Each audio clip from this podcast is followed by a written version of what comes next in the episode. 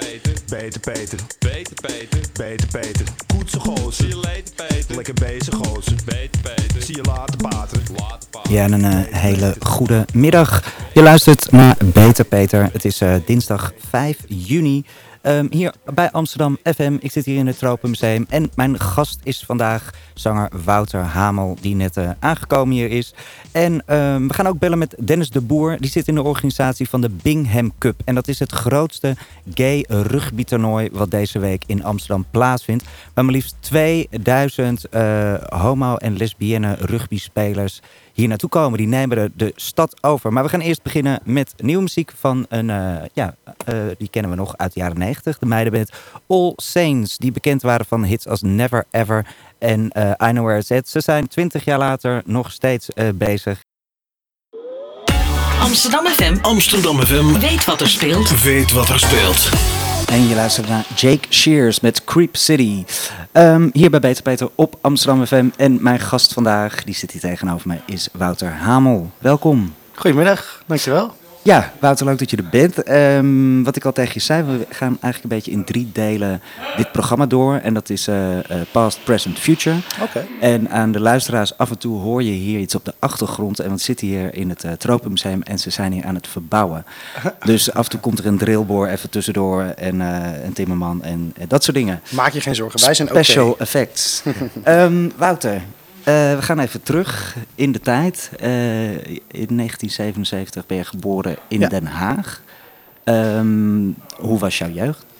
Ehm, heel leuk. Ik woon in een hele leuke straat. En ik woon nu natuurlijk ook in een grote stad en ik ken mijn buren wel een beetje. Maar daar was het eigenlijk een grote vriendengroep.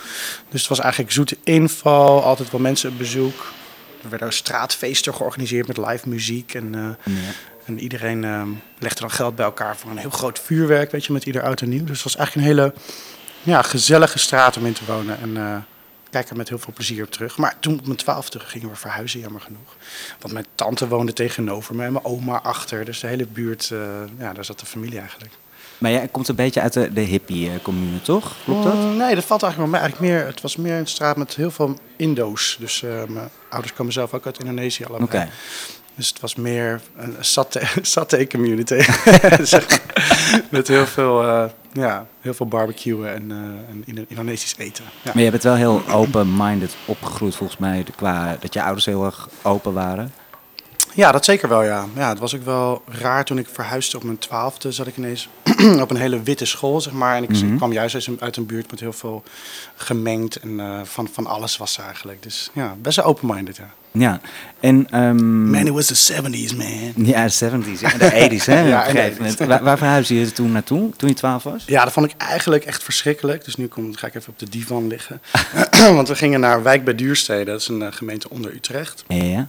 En ik vond dat heel boers om daar te moeten wonen. En het was ook heel anders en heel eh, niet zo gemengd. Dus Nee. moest ik eventjes eh, low profile houden.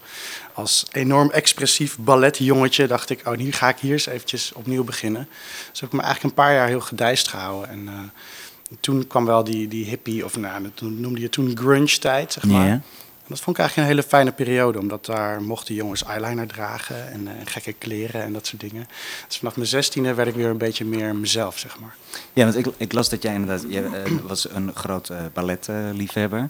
en, ehm, en dat je een soort van toch een beetje vrouwelijk was als eh, jonge jongen. Ja, überhaupt dat ik al op het Koninklijk Conservatorium voor, voor ballet zat, dat maakte me natuurlijk al van, oh, die, die gaat iedere zaterdag daar naartoe. Ja, werd je Ja. daarmee gepest? Ja, zeker. Ja, heel erg. Ja. Ja, dus het is wel een moment geweest dat ik een beetje, wat dat betreft, in mijn schulp kroop, denk ik, een paar jaar. Ja. Maar het is natuurlijk ook wel een hele rare vormende periode, ook qua ehm, verwachtingen over mannelijkheid. Dat is, denk ik, kan natuurlijk ook op je zesde of zevende al gebeuren. Lijkt me helemaal eng. Maar bij mij was dat allemaal pas zeg maar, rond 11, 12.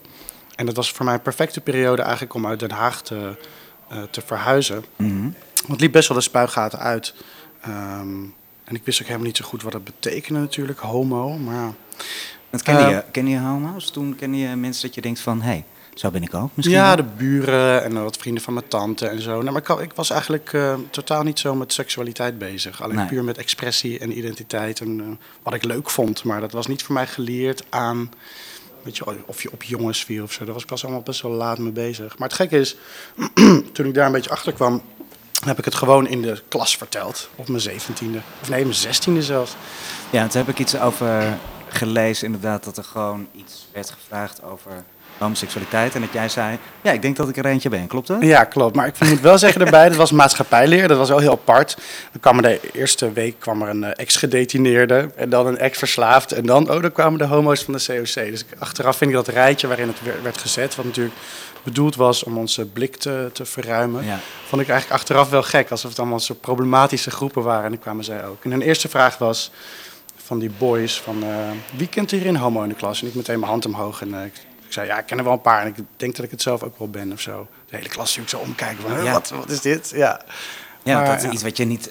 Wat was dat een, iets dat je niet voor. eh, nou, schaamde is sowieso een gek woord natuurlijk, maar iets wat je niet gek vond of zo van jezelf? Dat je gewoon dacht, ja, ik ben gewoon zo klaar. Ja, ik had het rond die tijd, en dat is natuurlijk ook wel een, eh, kan ook wel een gevoelige tijd zijn hè, voor, eh, voor jongens en mannelijkheid en, en jezelf bewijzen aan de Ja. rest en zo. Maar was ik echt fearless. Droeg echt de raarste kleren. Ik stond gewoon op het podium eh, liedjes te zingen, weet je, helemaal in mijn eentje, terwijl iedereen in bandjes en zo zat. Ja. Dus ik durfde wel rond die tijd. Dat is, eh, dat is een fijne periode geweest. ja. En hoe, hoe oud was jij toen jij begon met zingen? Ehm, ja, dat was toen ongeveer. Ik eh, zat op het VWO, maar ik was eigenlijk alleen maar met muziek bezig. Dus ben ik naar de HAVO teruggezakt. En dat was heerlijk. Ik heb echt geslaagd met geloof ik een 9 gemiddeld. En ik was constant alleen maar, met, alleen maar met muziek bezig. Altijd de gitaar in mijn rug. En eh betekent ook niet dat ik heel veel, sorry, heel veel les had. Maar meer dat ik zelf heel veel oefende. Dus ik sloot mezelf ook echt op in mijn kamer om hele platen te leren meespelen. En eh, ik heb mijn broertje zelfs toen ook in die periode een beetje gitaar leren spelen. Dus dan wisselden we nieuwe trucjes uit. Van nou, ik Ja. heb nu een akkoord, dat zijn geen drie tonen. Maar er zitten er vier in. En wat? En dan laten zien. En ja, dus die tijd, eh I really immersed myself. Hoe zeg je dat? Mezelf ondergedompeld in, in muziek. Ja. Ja, en je hebt gestudeerd aan de Hogeschool voor de Kunst in Utrecht. ja. Ehm, wanneer ging jij een beetje jouw muzikale koers bepalen? Welke kant je op wou? Nou, ik werd ervoor gewaarschuwd van ga nou alsjeblieft niet naar het conservatorium door iemand die zei, die gaan juist je eigenheid of zo gaan ze veranderen. Door alle skills die je leert natuurlijk. Dus ik heb dat eerst een jaartje niet gedaan, ben ik naar school voor journalistiek gegaan. Maar ja, het kriebelde enorm. En ik was nog steeds alleen maar bezig met muziek en naar sessies aflopen. Ik had altijd mijn gitaar in mijn rug. Dus toen heb ik gewoon eh, auditie gedaan. En, en het gekke is dat ja, toen kwam wel jazz op mijn pad. Het was wel muziek die bekend klonk voor me. Ja. Via mijn oma en mijn eh, tante Roos, die draaide heel veel Nina Simone en zo. Dus het klonk allemaal wel bekend. Maar voor mij als, als ja, een beetje autodidact gitarist was het natuurlijk echt... ging er een wereld open van harmonieën en Mhm. nieuwe akkoorden. En, ja, dus dat is toen die periode wel heel belangrijk voor mij geweest. Ben ik eigenlijk bijna alleen maar met jazz be- bezig geweest. Terwijl ik ook klassiek moest leren zingen, modern, eh, bossa nova, chanson, alle talen ongeveer. Maar toch was jazz hetgene waarbij mensen ook zeiden van... oh, jij hebt echt zo'n goede ouderwetse stem daarvoor. En ik wist toen nog niet helemaal wat het betekende. Maar daar heb ik wel eh, toen heel hard aan gewerkt. En, eh, en ik moet ook zeggen, door alle jazz standards heet het dan... Hè, van de American Songbook. Ja. Liedjes die ik heb geleerd, heb ik onbewust ook wel heel veel geleerd over liedjes schrijven. Dat kwam toen nog helemaal niet uit. Dat duurde nog tien jaar of zo. Voordat ik echt liedjes begon te schrijven. Maar je leert natuurlijk zoveel akkoordschema's en melodieën kennen. Dat was echt een vat vol informatie. En daar heb ik later heel veel, eh, ja, heel veel aan gehad. Ja. ja, want jouw eerste album kwam in 2007 uit, Hamel.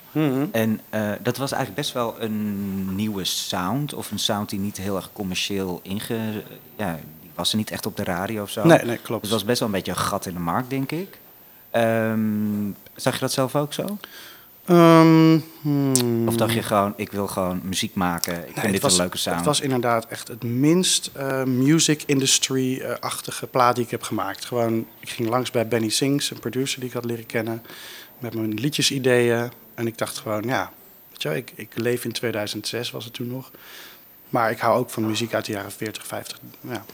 Dus als we dat nou proberen samen te brengen. Maar het was zeker niet met een marketingplan van, nou, dit zou goed scoren nu. Nee, precies. Achteraf Nee. kan ik dat wel duiden, inderdaad. Het was een hele interessante tijd, weet je, dat je heel veel ja, aparte stemmen hoorde. Zoals Nora Jones en, eh, Ja. en Jamie Cullum. Dat waren, ja, dat waren achteraf dingen die je niet zoveel hoorde. Het was natuurlijk best wel ehm, geproduceerde muziek, oftewel heel gladjes. En bij Ja. hun kon je dan echt de muzikaliteit horen. En had je ineens een Alicia Keys die ook echt piano kon spelen. Dat was daarvoor allemaal niet zo in. Ja, Nora. Jones was inderdaad ook huge. Ja. Nog. Ja, dat is inderdaad begin jaren 2000. Dat ja, is echt, precies. eh, ja, daar hoor je niet zo heel veel meer van. Dus het was toen wel een soort jazzy opleving, denk Ja. ik dan in de jaren. Dat ging even een beetje mainstream. Ja, en achteraf kan je zeggen, daar heb ik op meegelift of zo. Maar zo voelde dat helemaal niet. We hebben ook die plaat afgemaakt en een fles champagne gekocht. En gezegd, als we 300 stuks verkopen, dan eh, gaan we die fles champagne, zoiets geloof ik. En dat ging toen richting de 30.000 of zo. Ik weet niet, maar ja, een heleboel. nagaan. Ja, Ja. te gek. Hey, en jij, eh, dat hebben toch niet eh, veel Nederlandse artiesten. Jij ging ook internationaal heel goed. Hmm. In Korea werd je een grote hit. Hoe is, is, dat, is dat nog steeds? Ben jij daar nog steeds een, een popster? Ik ging in 2007 voor het eerst naar eh, Japan. In mijn eentje met eh, Linda van Docs Records, mijn platenlabel. Dat Ja. echt heel bizar. eh, om daar te zijn, want ik was nog nooit zo ver van huis gevlogen. was natuurlijk gewoon een arme sloeber. en dan mocht ik ineens naar Japan. En twee jaar later kwam daar Korea bij. En ja, dat, dat, dat loopt nog steeds, ja. Ja. En, in augustus gaan we er weer naartoe. En ik denk dat ik nu, ik weet niet, 15 keer in Japan en 17 keer of zo in Korea ben geweest. Echt belachelijk vaak. Maar is, hoe zijn fans daar? Zijn ze daar veel hysterischer of zo? Heb ik het idee? Ja, je zou het hysterisch kunnen noemen, maar het gekke is... Ze gillen heel hard inderdaad, maar als je dan een liedje inzet, dan zijn ze ineens heel stil. Ja. Terwijl het in Nederland misschien een beetje Het omgekeerd andersom is. is. Als je een liedje inzet, dan gaan ze naar de bar. Ja, precies. Dus Ja. Het, is, het, is, het is hysterisch, maar aan de andere kant ook echt wel... Ze luisteren echt wel heel goed naar de muziek. En ook de interviews die ik daar heb gehad, mm, die zijn zo eh, specialistisch. Weet je, over, gaat over mixage en over bepaalde welke reverb je hebt gebruikt op dat en dat. Dus het, het is in, aan aan de ene kant heel hys- hysterisch, maar ze luisteren ook wel met heel veel aandacht naar de muziek. En Ja. eh, dat kan ik natuurlijk heel erg waarderen. Maar goed, inderdaad, beveiligingsmensen en eh, nou, de gekste dingen die je kan bedenken. Ja, dat dat, Ja, maakt me daar allemaal mee. In Nederland zijn we ook altijd zo nuchter, weet je wel. Van, het, hè, vaak is dat bekende mensen hier graag in Nederland komen omdat ze Ja. niet echt lastig gevallen worden. Maar ja, je hebt ook genoeg gekken hier rondlopen. Ja, maar ik ben dus ook daar een beetje raar in. Ik zag een keer Willem Nijholt lopen op straat. Dus ik meteen, meneer Nijholt, achteraan rennen. Ja, Ja, ja, ja. ik weet niet, dat is niet zo Nederlands inderdaad. Nee. Nederlands is, of meer Amsterdams misschien, is een beetje van, eh, oh, nou, kijk, daar zit die. Ja, Maar ja, ik vind dat in Nederland ook ja wel we leuk weten het eh, donders goed. Ja. En we kijken wel, maar we doen net alsof we het allemaal heel normaal Precies. Nou, Ja, soms kom ik wel eens Koreaanse toeristen hier op straat tegen die echt zo, wat? Oh, echt? Loop jij hier? Zeg ik, ja, je weet toch, ik woon in Amsterdam. Ja, grappig. Laten we even naar muziek gaan luisteren. Eh, je hebt wat nummers meegenomen. Ehm, waarom heb je deze uitgekozen? Betty Swan met Don't Look Back. Ah ja, dit is een liedje eigenlijk over eh, de liefde. En over teleurgesteld raken in de liefde. Maar dat je daar niet naar terug moet kijken, maar altijd nog hoop moet houden dat het nog een keer gaat lukken. Dat is een van mijn favoriete zangeressen. En ze, ze zingt heel simpel, daar hou ik van. Weinig frills. Nou, daar gaan we. Betty Swan. Amsterdam FM Amsterdam FM weet wat er speelt. weet wat er speelt. En dat was Betty Swan met Don't Look Back hier bij Peter Peter op Amsterdam FM. En ik zit hier met Wouter Hamel. Ehm, Wouter, ja, we gaan het toch nog even over die eh, homoseksualiteit hebben. Dat heb ik hier elke week eh, eh, nogal veel over. Ehm, ik las ergens dat jij zei dat er vroeger veel meer artiesten open waren over hun homoseksualiteit. Weet je, bijvoorbeeld een Erasure, Pet Shop Boys en dat... Frankie Goes to Hollywood. Ja, die hele periode, ja. Ja, weet je, dat was gewoon inderdaad andere tijden, weet je. Ik was er toen nog niet, dus... en jij was ook nog te jong, weet je wel, voor die tijd, denk ik. Maar ehm, wat, wat is er nu veranderd? Dat het, gaat het tegenwoordig meer om image, dat mensen eh, gewaarschuwd worden van... nou, eh, je moet niet te open zijn over je homoseksualiteit. Heb jij Ja. er ooit last van gehad? Nou, ik vind het heel moeilijk om het heel breed te trekken. Ik ben geen eh, muziekwetenschapper, of zeg je dat? Of, Mhm. ja, het is gewoon mijn eigen ervaring. Ja. Ja, dat is wel mij heel vaak aangeraden om het daar niet te veel over te hebben. En dat, dat is wel iets wat me heel erg dwars zat, waardoor ik ja, twee jaar geleden een plaat heb opgenomen, vorig jaar uitgebracht. Amorie, die daar eigenlijk juist een beetje over ging. En eh, waarbij ik die naam ook als een soort panzer gebruikte die dat wel allemaal durfde. Dus ik vind het wel belangrijk om het daarover te hebben als artiest. Mhm. Je zou kunnen zeggen, hè, je hebt je, je kunst of je, je, je uiting en daar moeten mensen het maar mee doen. Dus maar ook wel door collega-artiesten die ook gay zijn aangeraden van ja, maar hou dat mysterieus, want dat, je hoeft het niet zo letterlijk te zeggen. Maar ik ben daar dus een beetje klaar mee. Want Ja. dan krijg je ook ik kreeg heel vaak naar optredens mensen die het wel wisten. Weet je, die hadden dan gegoogeld of zoiets van... oh, ik las ergens dat je homo bent. eh, eh, eh. Nou, wat leuk, dat zie je helemaal niet aan je. En dat is het, natuurlijk het gekke. Kijk, je hoeft ook niet meteen met nagellak en een hele hoge hak op het podium... En, weet je, om, om, het, om het duidelijk te maken. Maar ik vond het heel moeilijk dat ik dat als compliment kreeg... dat het niet zo duidelijk was. Dus daarom Ja. dacht ik, ik moet het juist even een tijdje heel erg over hebben... Want ja, er zijn er heel weinig in Nederland. Ik weet het ook even niet wie. Heel veel van die B-gasten, weet je, van die players. Maar dat vind ik toch altijd een ander verhaal. Ik kan eigenlijk alleen maar Ella Bandita of zo bedenken. Of eh, er zijn er echt, echt weinig Engelstalige popartiesten in Nederland die... eh, Ja, die Ja. bij het grote publiek bekend zijn. En Ja. Gewoon openlijk. Ja, dat zijn er eh, inderdaad niet zo heel veel. Maar kijk, je hebt een, een paar jaar geleden, eh, las ik in een interview, volgens mij met de Volkskrant of zo, of AD, dat jij ehm, er eindelijk wel klaar voor was om gewoon trots te zijn Ja. op wie je bent. Ben je dat heel lang dan niet geweest? Dat je ja, er toch oncomfortabel met wie je was voelde? ja, ik denk het wel. Ja, wat, ik vind het wel moeilijk uit te leggen. Nou, wat is Ehm. er zeg maar twee jaar of drie jaar geleden gebeurd? Ja, een, is een soort knop omgegaan dat jij je onderdeel van de community voelde. Want daarvoor was, voelde je eh, dat niet. inderdaad mijn gay renaissance. Nou, eigenlijk was het gewoon dat als mensen dat tegen mij zeiden, dan prezen ze mij eigenlijk om mijn eh, masculine voorkomen, wat ook helemaal niet waar is. En ook genoeg mensen zouden meteen zeggen, oh, die is gay of whatever. Maar dat vond ik dus het enge daaraan, van in hoeverre zijpelt dat door in wat ik aantrek als ik op het podium ga staan. Of weet je wel, ben ik er zelfs onbewust mee bezig met micro-expressies, onderdrukken, zodat mensen me beter zouden accepteren of weet je wel, beter naar mijn muziek zouden luisteren als ze niet afgeleid raken door enige vrouwelijkheid of dat soort dingen. Ja. Dat ging me toen zo, eh, dat ging zo jeuken en dat ik echt dacht, ik moet er nou echt iets, iets mee doen. Dus daar, daar ben ik er voor het eerst een beetje liedjes over gaan schrijven, wat meer in interviews over gaan praten. Want ik vond, en dat is natuurlijk binnen onze gemeenschap ook wel een heel groot probleem, er is heel weinig solidariteit, weet je wel. Bepaalde gays zijn super masculien en die willen alleen maar mask voor mask. Dus die, die, die hebben die binnenwereld binnen de homo's, maar die voelen zich helemaal niet verbonden met de sissies en de fanboys en de Mhm. drags en de, en de trans. En dat is wel eh, waar ik toen dacht, ja, daar ga ik gewoon voor staan. Als ik dan gay ben, dan ben ik ook solidair met de hele groep. ja. En het is, er zijn zoveel hokjes en zoveel subgenres in de hele community. Wat inderdaad gewoon zo... Uiteindelijk gaat het o- over om elkaar respecteren, weet je wel. Maar Ja. het is nog steeds zo erg stempels en hokjes. En, en we doen het elkaar allemaal aan, weet je wel. Klopt. Maar ik moet wel zeggen, het was niet heel erg wel overdacht. Het was gewoon, ik had een leuk gesprekje op een borrel van eh Le Homo, waar wij elkaar laatst ook tegenkwamen. Mhm, Dat was ja. twee jaar geleden of zo. Eh, met de journalist van de AD. En ik merkte aan hem dat hij eigenlijk zichzelf een beetje, en dat is een beetje niet zo heel discreet misschien om te zeggen, schaamde voor bepaalde aspecten van homoseksualiteit. Dat hij het heel duidelijk makkelijk vond om te zeggen van ja, maar zo'n homo ben ik niet. En toen dacht ik, hé hey, wacht, wij gaan binnenkort even zitten en praten. En dat is Ja. toen dat artikel geworden. Ehm, omdat ik het heel belangrijk vind dat heel veel mannen, ja, ik heb het dan eventjes niet over ja. lesbisch, maar zich niet eens bewust zijn van de manieren waarop ze zich eh, schamen voor hun eigen homoseksualiteit. Een heel groot eh, onderdeel hiervan was een, eh, een speech die ik heb gezien. Ik ben natuurlijk nu de naam kwijt. live radio, dan weet je het even niet. Waarin eh, iemand zei van, ja, als ik met mijn beste vriend in de trein zit... en ze doen best wel, oh meisje, weet je wel, ze Ja, doen ja. zo... dan schaam ik me eigenlijk onbewust en dan denk ik...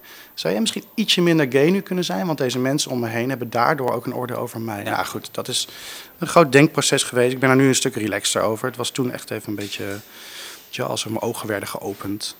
Ja, maar het is ergens denk ik ook een beetje een, een, een fase. Want ik heb genoeg Hmm. vrienden om me heen die zeggen... hé hey meid, en, eh, weet je en zelf kan ik er aan meedoen. En, maar als ik terugkijk, als ik toen ik, weet ik veel, de 22 was...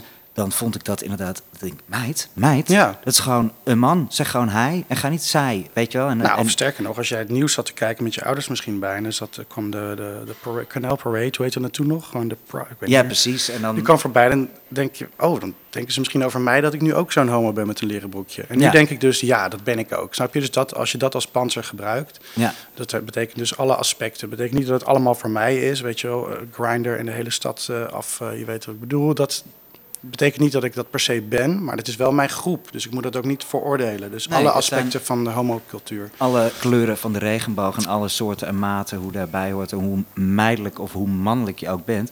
Ja, qua Eh, uiterlijk en qua gedrag. Ja, Dus ja, toen ben ik ook voor het eerst in eh, plekken als de church geweest en al dat soort dingen. Dat waren allemaal dingen waar ik vroeger denk ik een orde over had.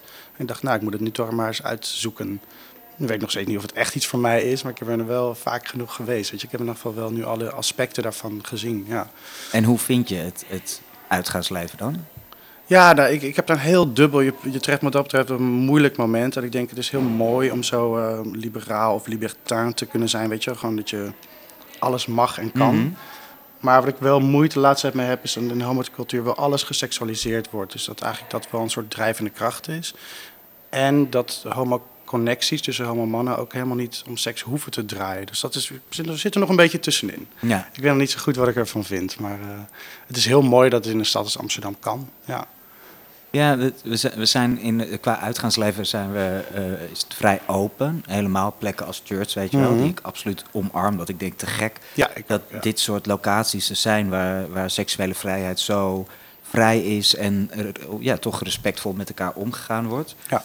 Ehm, maar dan is er inderdaad ook nog een stukje dat, dat de seks er zo erg oplicht. Weet je wel? Ja. En dat, dat is ook meteen weer iets wat voor heel veel mensen ver van een bedshow is. Mhm. En wat ze dus meteen weer linken aan homo's. Ja. En dus homo's zijn freaks. Ja, Weet precies. je wel? Dat is, en, en, ja, en dat is soms een beetje kort door de bocht.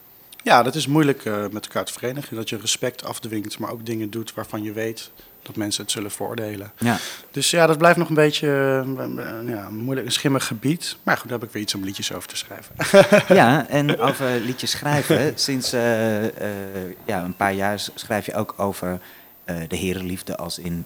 hè, dat het he in plaats van she. Ja, niet heel expliciet, maar het, het komt voor. Ja. Het Ja. zit, zit er wel in, ja. En pas was er in het nieuws helemaal hè, dat Jamai dat dus niet doet, dat dat zijn keuze is. Ja, wat- iemand wat heeft me dat daarvan? gisteren toevallig nog moeten uitleggen wat er nou gebeurd was. Want blijkbaar heeft hij mij ook genoemd in een tv-programma of zo, wat ik niet wist. Dat is ook gek, dat weet, je, dat weet je dan nooit. En dan zegt iemand, ja, hij had het nog over... Oh, oké. Ehm, ja, hier ben ik ook weer heel dubbel in. Wat ben ik toch ambivalent. Ik vind het heel mooi als je op een poëtische manier meer mensen kan aanspreken dan alleen jouw eigen groep. Ja, Dus weet je, als, je, als een jongen alleen maar zingt baby girl, en, ja, dan is het wel heel plat wat dat betreft. Dus ik vind het mooi als je dat kan omzeilen door, eh, door slim taalgebruik. ja.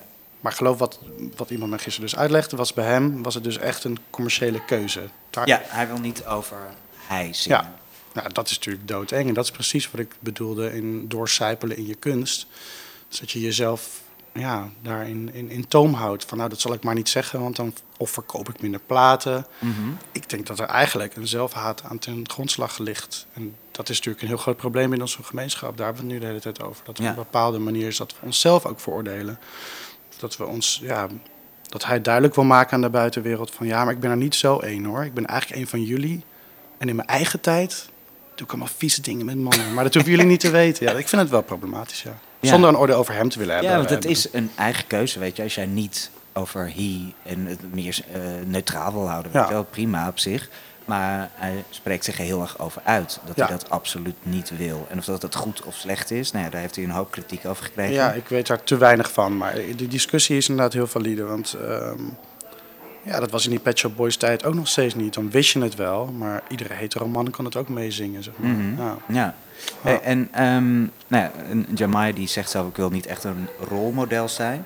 Hoe zie jij dat eh, voor jezelf? Eh, zie jij jezelf als een rolmodel of zou jij een rolmodel willen zijn? Nee, eigenlijk totaal niet als je dat zo vraagt. Maar aan de andere kant ben ik ook nu te ver, 41, te oud, om, om erover te liegen of moeilijk over te gaan doen. Dus toen jij mij voor voor dit interview vroeg, zijn er nog no-go areas? Uh-uh. Ik praat gewoon door. overal. Ja, precies. Ik praat gewoon overal eh, over. Kijk, het moeilijke is wel, omdat ik dat doe, word ik dan soms ook in eh, boekjes aangekondigd als de openlijk homoseksuele Mhm. zanger Wouter Haan. Dat vind ik wel ver gaan. Ja. Dan denk ik van, nou, dan zouden nog wat meer mensen uit de kast mogen komen. Maar, eh, Ja, nou. en, en het is inderdaad, kijk, ik bedoel, hè, dit radioprogramma is een LHBT-programma, dus daarom dik ik het altijd gewoon flink aan en Ja, zeg ja, ik waarschijnlijk 40 keer homoseksualiteit in een Mhm. uur. Maar ehm, als jij aangekondigd wordt ergens, dan is het gewoon de, de, eh, zanger en dan kun je misschien een genre eraan Mhm. toevoegen, jazz, pop, whatever. Maar dat jij dan gay bent, dat is dan dus niet interessant. Ja, dus dat is dan, vind ik dan moeilijk. Dus er staat ook niet de openlijke zangeres of zanger, eh, heteroseksuele zanger. Nee, dat precies. staat ook Nee. niet. Nee, maar ik denk dat dat even nu een periode is geweest waar ik doorheen ging. Dat ik er best wel veel over gepraat Ja, ja, heb en ja. zo. En dat het dan nu maar normaal moet zijn. Maar ik, ik wilde net toen je eerder vroeg van wat zijn er eigenlijk, weet je wel? Wat zijn er nog meer voor homo zangers Nederland? Ja, zou ik wel Jamai willen noemen. Dat is eh, een van de weinigen eigenlijk die Ja, ik... Paul eh, de Leeuw. ja, precies, die hele generatie van de Gerard Jolings en de Gordons en de Paul de Leeuws. dat is Carla Boshart, al ja. dat soort, weet je, die generatie. Maar dan zit ik er precies tussen, tussen Jamai en die groep. Van mijn leeftijd weet ik echt even niemand. Ja. Weinig. Oh, George van der Pannen. Ja, Ja. we hebben er een. Ja, Gelukkig. gelukkig. Ja. Ja, en eh, ja, jouw leeftijd. Je bent vorig jaar 40 geworden. Ja, een paar weken geleden 41. Ja, ja. Eh, hoe was het om 40 te worden? ja ik vond het eigenlijk zwaar oké. Ja, ik heb er niet zo'n... eh, Dat is geen probleem voor jou. Nee, dat Nooit niet. een eh, ding Nee. geweest. Dat heb je natuurlijk met heel veel mensen die het heel naar vinden om 30 te worden. Ja, inderdaad. Of 40, nee, of ik heb echt een heel groot feest gegeven en eh, de politie is nog een paar keer gekomen. Maar ik hoorde de deurbel niet omdat de muziek zo hard stond. dus die hebben een half uur voor de deur staan bellen, blijkbaar. Nou, ik heb het goed gevierd. Ja, heel goed.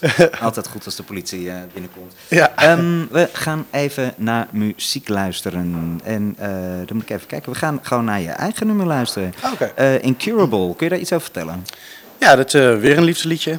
net zoals die van Betty Swan net. En ehm, ja, dit gaat eigenlijk over een liefde wat, ja, gaat gewoon niet lukken. Het is eh, onoplosbaar en we moeten elkaar loslaten. En het is een liedje dat ik door de jaren heen al vier of vijf keer in mijn leven had kunnen zingen. Zo gaat dat met relaties. Ja, ja, is het zo erg? Maar nu gaat het goed, toch? Met de relatie. Amsterdam FM, ik ben single. Yay! Oh god, oké. nou, we hebben een cliffhanger. We zijn zo terug. Hier is eh, Incurable van Wouter Hamel. Amsterdam FM Amsterdam FM. weet wat er speelt. Weet wat er speelt. Yes, en je luistert hier naar Beter Peter op Amsterdam FM. Ehm, ik heb iemand aan de telefoon. Dat is Dennis de Boer. Goedemiddag. Goedemiddag. Hoi, ik eh, bel jou, want het grootste LHBT rugbytoernooi is eh, eh, afgelopen weekend begonnen, 2 juni. En dat duurt tot aanstaande maandag 11 juni. Ehm, het is de negende editie van de Bingham Cup. Zo heet het, het wereldkampioenschap voor gay en inclusieve rugbyteams. Ehm, kun jij er iets over vertellen? Wat, wat houdt het precies in? Jazeker. Het houdt in dat op eh, dit moment in Amsterdam in omstreken 70 eh, teams uit de hele wereld, eh 70 mannenteams en 4 vrouwenteams eh, aanwezig zijn. Dat hun gaan strijden om bekers en finales. Ja. En dat ze ook nog wat sociale activiteiten samen gaan doen in Amsterdam. Dat is eigenlijk het grootste gedeelte. En het, je kan het eigenlijk een beetje vergelijken met de wereldkampioenschap eh all-inclusive eh, rugby. Oké. En het is ehm, eh, de negende editie, maar dit is de Ja. grootste editie, wat ik begrepen heb. Ja, klopt. Het is elk jaar gegroeid omdat er steeds meer eh, clubs bij komen. Ja. En we zitten nu ongeveer op eh 1620 deelnemers. Oké. Daarbij hebben we nog eh 420 supporters en stafleden. Eh tel bij nog eens een keer op eh 275 vrijwilligers. Dan eh, kom je eigenlijk op een aantal rond de 2300. 2400, eh, ja, 2300, 2400 mensen. Ja. Eh, daarmee is het eh, de grootste editie ooit. eh Maar waar laat je al die mensen? Waar laat je nou die mensen? Ja, dat is, eh, het is een flinke klus. Eh, we hebben verschillende hotels in Amsterdam eh, benaderd. We hebben er nu vijf. eh, die doen allemaal mee. Eh, we hebben acht speelvelden. We hebben acht trainingsvelden. Eh, je moet ongeveer denken aan de shuttlebussen die tussen hotels en de velden zijn er ongeveer 60. Eh, dus dat is een eh fikse logistieke operatie om het zo maar te noemen. Ja, Ja. Maar, maar goed, het, het gaat tot nu toe goed. Er zijn ook heel veel evenementen ehm, georganiseerd voor in de avonduren volgens mij. Hè, want het moet natuurlijk ook een beetje gezelligheid zijn. En volgens mij hebben jullie een soort strippenkaarten om langs alle gay bars op de Amstel, de Zeedijk, de eh, Ja. af te gaan, alle avonden. Ja. Gaat dat wel goed? Nee, dat klopt. Ja, waarom zou het niet goed gaan? Nou ja, de We volgende eh, dag heel, eh, sporten. volgende dag weer sporten, ja, het is, hoort er een beetje bij. En eh, de speeldagen zelf zijn op vrijdag, zaterdag en zondag eh, Ah, in kijk. Amstelveen. bij ons eh, huisclub ARC op de Sportlaan. Ja. Eh, die overigens ook toegankelijk zijn voor eh, het publiek. Dus dat is misschien ook wel leuk. Oké, dus iedereen kan Ehm, gewoon daar naartoe. Ja, iedereen kan er gewoon naartoe. En zo'n sociale activiteit. We zijn in het begin van de week en aan het eind. Ehm, dus ik denk dat dat wel... eh, dat komt wel goed hoor met de jongens en de meisjes. Dat, redden ze wel. Ja, gelukkig. En vandaag hebben jullie het eh, persevenement om 6 uur. Ja. Wat gaat Ja. daar gebeuren? Wat daar gaat gebeuren, we hebben een aantal ehm, teams gevraagd om een klein filmpje te maken over hun ehm, impact naar dit toernooi in Amsterdam. Ja. Je kan natuurlijk eh, voorstellen dat eh, teams bijvoorbeeld uit eh, Amerika heel anders bezig zijn zich voor te bereiden dan teams uit, uit België bijvoorbeeld. Voor hun is natuurlijk veel dichterbij, dus qua kosten en dergelijke. Er moeten meer fundraisers worden gedaan. Het is voor mensen moeilijker om mee te gaan, omdat het daarmee te maken heeft. Het is verder weg. Sommigen zijn nog niet eens die in de Verenigde Staten uit geweest. Dus het is een hele andere belevenis. En wat we nu dus hebben gedaan zijn zes verschillende teams over verschillende plekken van de wereld gevraagd ehm, hoe hun het beleven en hoe hun zeg maar, de aanloop hebben meegemaakt. Oké. Ja. Nou, dat eh, klinkt. Dit is volgens mij een gigantische organisatie om dit allemaal te regelen en, en te doen. En jullie zijn er ook al maanden mee bezig, weet ik. Ik vind het Ja. heel tof dat het eh, in Amsterdam eh, plaatsvindt. Is er ook nog iets van een, een eindfeest of zo, wat, wat, wat er gedaan wordt? Ja, het is inderdaad een eindfeest. Eh, dat is voor alle mensen die betrokken zijn bij, eh, bij deze hele onderneming. Ja. En die eh, wordt gedaan in de bus van Berlage. Oké, en welke dag is dat? Dat is op zondag de 10e. Oké, aanstaande zondag het eindfeest. En dat is dus echt, daar kunnen mensen niet een kaartje verkopen of zo? Nee, nee, Nee, dat, dat is niet mogelijk. Nee. Oké. Nou, eh dankjewel dat je ehm, even deze informatie met ons wou delen. Is er ook nog een website waar mensen info kunnen vinden? Ja, zeker. Het is eh, op www.binghamcup.com. Ja. En ik denk dat het ook misschien leuk is voor de meeste luisteraars om te horen dat we voor het eerst in de geschiedenis een vrouwentoernooi eh hebben eh, aan het organiseren zijn in naam van de Bingham. Oké. Dus eh, dat is eh, een groot eh, ding. En het vrouwentoernooi eh, wordt geëindigd op zaterdag met een finale rond de, rond de klok van twee. Nou, Dus dat is op zich wel leuk. Helemaal top. Ik wens jou heel veel succes met de organisatie. Wie weet kan we elkaar nog ergens eh, tegen komende week. En eh, nou, zet hem op. Geniet ervan. Ja, dankjewel. Oké, dankjewel. ook. Hoi hoi. Dankjewel. Hoi hoi. Ja, en ik zit hier nog eh, met Wouter Hamel. En ik zei net, ja, ik vroeg eigenlijk per ongeluk, hè, het gaat goed met je relatie. Maar Wouter, ja, je zei het net, het, het gaat niet zo goed. Nou ja, ik weet niet of dat goed of slecht is, maar eh, ik heb geen relatie meer, nee. Nee, het is over en uit. Ja, dat is toch allemaal eh, een, een beetje lastig. Maar je doet het nu even rustig aan. Ik doe het even heel rustig aan, ja. Dus ehm, ja, het gaat, gaat goed nu. Het is al een paar maanden geleden hoor. Ja, maar goed, je kwam mij altijd tegen met mijn vriendje inderdaad en nu eh, alleen. Ja. Ja, ja, dat is toch. ja, dat zijn de minder leuke periodes. Maar eh, laten we het er vooral niet te lang over hebben. Nee, nee. Laten we doorgaan. Wie, wie, wie zijn voor jou eh, helden of mensen eh, qua artiesten in Nederland waar jij tegen opkijkt? Dat je denkt van, oh, daar zou ik nog wel mee willen samenwerken. Oeh, in Nederland. Oeh, dat, dat is een hele moeilijke vraag. Niet, niet lullig bedoeld naar de Nederlandse muziek zien, maar eh, Nee, nee, nee. ja. Nee, het komt even niet bovendrijven. Maar en ik heb bijvoorbeeld internationaal? veel met eh, Benjamin Herman gewerkt, saxofonist met wie ik heel veel heb gewerkt. Dat eh, heeft hij net een nieuwe plaat uitgebracht. Daar was ik helemaal eh, fan van. Ik was laatst bij Amsterdam Sinfonietta, wat ik een geweldig ensemble vind, waar ik met wie ik wel eens heb gewerkt. Dus nu lijkt het eigenlijk net, ja, ik heb een keer met het Koninklijk Concertgebouworkest. Dus ik heb eigenlijk met de meeste ja, namen in Nederland wel, denk ik, bijna wel gewerkt. Ja. Eh, internationaal. Nou, ik ben eigenlijk op dit moment, dat is wel gek, maar eigenlijk niet zo mee bezig. Ik ben heel blij en heel eh, hashtag blessed met de mensen in mijn omgeving. En eh, ik ben liedjes aan het schrijven met mijn pianist Jerry Castel.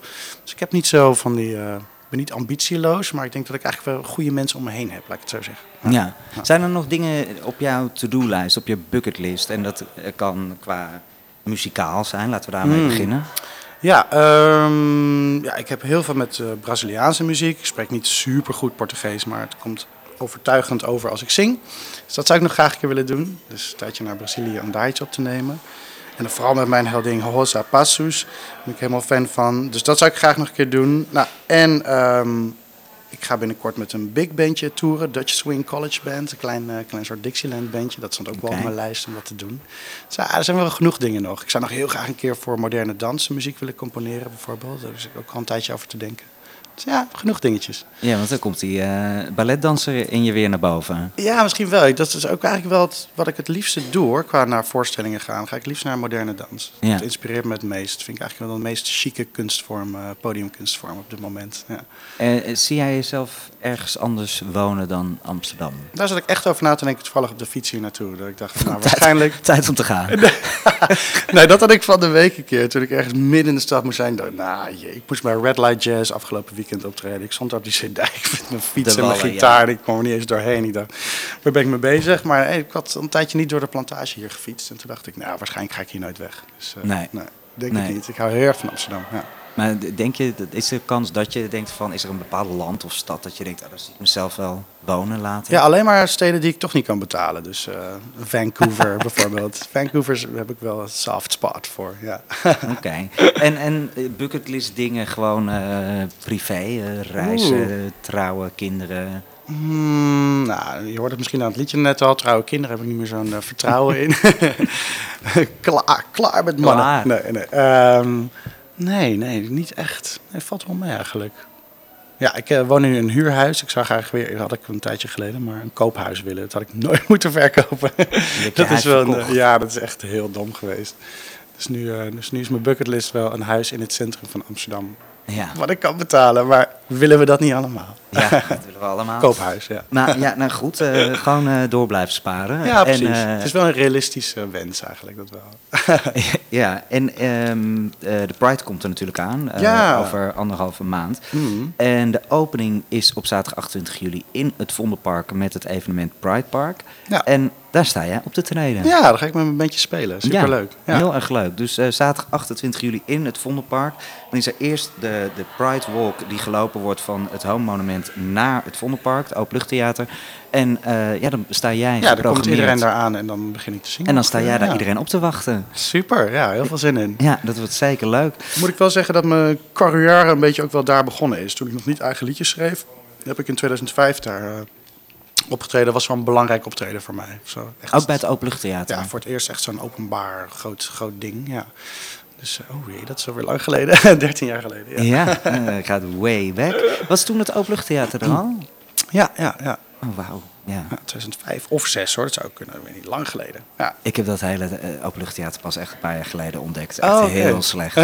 maar goed, wel, ik vind het een gekke plek. Helemaal als het mooi weer is. Ja, en, eh, zeker. echt, Gezelligheid. Ja, absoluut. Ehm, we gaan een beetje afsluiten. En ehm, eh, we gaan nog een nummer wat jij eh, uitgekozen hebt. Ik ben groot fan van deze man. Is Rufus Wainwright. Oh. Ehm, het nummer Sometimes You Need. Ja. Ja, dat betekent wel veel voor mij, dit nummer. Dat is echt eh, iets wat me heel erg raakt. Ja, luister gewoon naar de tekst. Sometimes you need a stranger to talk to. Je hebt allemaal mensen om je heen die je allemaal proberen te helpen. Maar soms heb je een frisse blik van iemand nodig die je, die je nog niet kende. En eh, dat vind ik een heel mooie gedachte. Ben je ooit naar zijn shows geweest? Ja, zeker. En eh, wat, wat, wat vind jij van zijn shows? Want Ja, ik is- vond het fantastisch. Maar ja, ja ik vond het echt helemaal te gek. Ja, het is echt een soort van.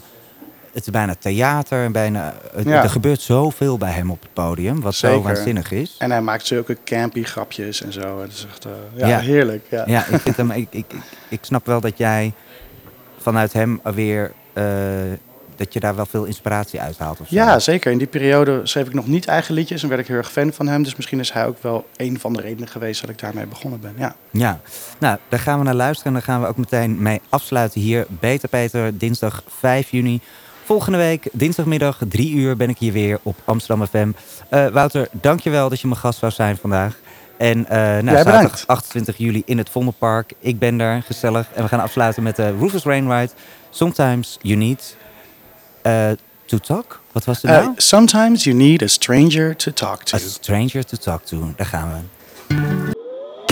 Amsterdam FM Amsterdam FM weet wat er speelt. weet wat er speelt.